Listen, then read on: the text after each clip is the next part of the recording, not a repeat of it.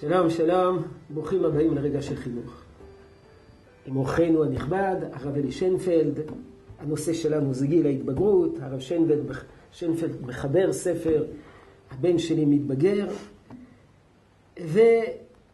ונוסף לדברים שדיברנו אתמול, צריכים להזכיר נקודה חשובה, והיא שבגיל ההתבגרות צריכים לכבד את הבן המתבגר. הדברים האלה נכתבו על ידי הרב אלימלך בר שאול בספרו ריח מים. אנחנו מצפים שילדים יכבדו אותנו, ודאי בגיל ההתבגרות, שיכבדו אותנו, הם מבוגרים, הם בוגרים, יכולים לכבד אותנו.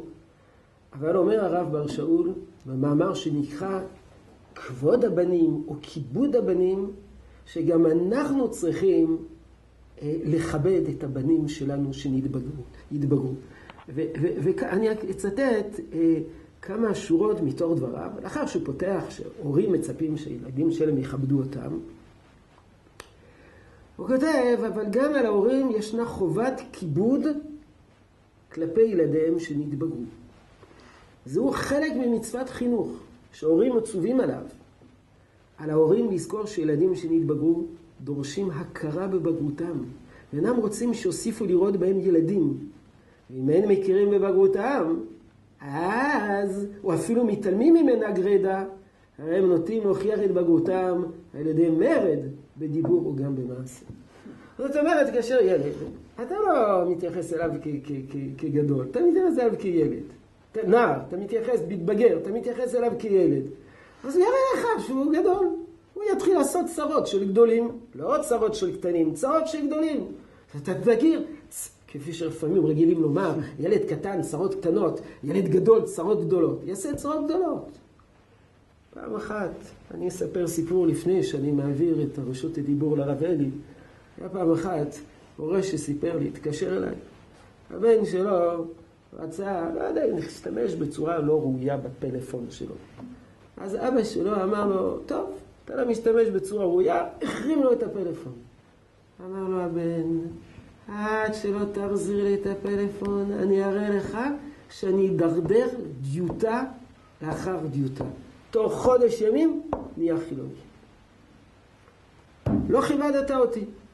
ננסה, יכול להיות שצריכים לאחר הסכמה לקחת את הפלאפון, אבל לא בצורה, כאילו ילד, כאילו תינוק בן יומו.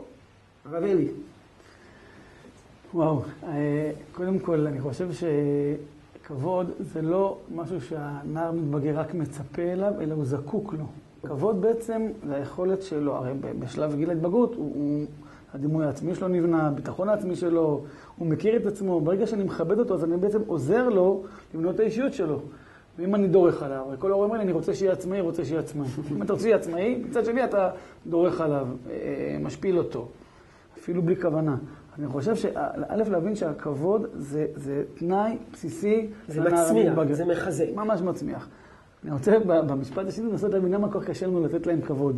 כי עד עכשיו היינו רגילים שילד קטן, הוא ברקרא דאבוה, אני אומר לו, אז הוא עושה, אין לו רצונות משלו, מאוויים משלו, חלומות משלו. פתאום אותו ילד קטן, שרק לפני שנייה הסתובב בין הרגליים, יש לו אמירה, יש לו מחשבה, יש לו דעה, לא תמיד בדיוק הדעה שלי. ואז לתת לו כבוד, לתת לו מקום, הרבה פעמים זה, זה נראה לי מוזר. כאילו... אתה דורש שיהיה עצמאי, אבל בעצם אתה ממשיך לקשור אותו אליך. זאת אומרת, אתה מצפה ממנו לעצמאות כאשר אתה לא משחרר ולא מעניק לו את העצמאות. אמרה לי פעם אמא, פעם אחת אמא אמרה לי בהרצאה, אין לי בעיה שלי יהיה עצמאי, לפי איך שאני תופס את עצמו. בוודאי. כאילו זה תרתי דה סתרי. ולכן, אם אני מדבר על כבוד ברמה המעשית, צריך לדעת שיש פה בן אדם עם רצונות, עם אישיות, עם רגשות, ולכן לא לזלזל, לא לפגוע, אפילו בתרבות הוויכוח, לא אה, להניף יד, לא להעניש אותו שצריך ליד האחים הקטנים שלו, לא לפגוע בו. גם להניף ישר בצורה מכובדת. יש לי כל כך הרבה סיפורים על, על, על, אה, לבני נוער שנפגעו מהצורת התבטאות של ההורים כלפיהם. אפשר להגיד אותו דבר בצורה עדינה, בצורה מכבדת, ולהגיד דברים. זו נקודה, אני חושב שהרבה פעמים הורים, משטף החיים לא שמים לב, לב יותר מדי. בעצם, שני דברים. דבר ראשון, הכיבוד של הבן המתבגר הוא חיוני עבורו, הוא נצרך עבורו, הוא מצמיח אותו, והוא גם יבטיח את המשך הקשר בינינו לבינו, ילד שנעלב בגיל ההתבגרות יכול לסגור את התריסים, לסגור את המגפים, וזהו זה. לא נוכל להמשיך לשוחח איתו. לכבד נערים בגיל ההתבגרות. יהי רצון שתשרה הברכה בעבודתנו החינוכית. שלום, שלום.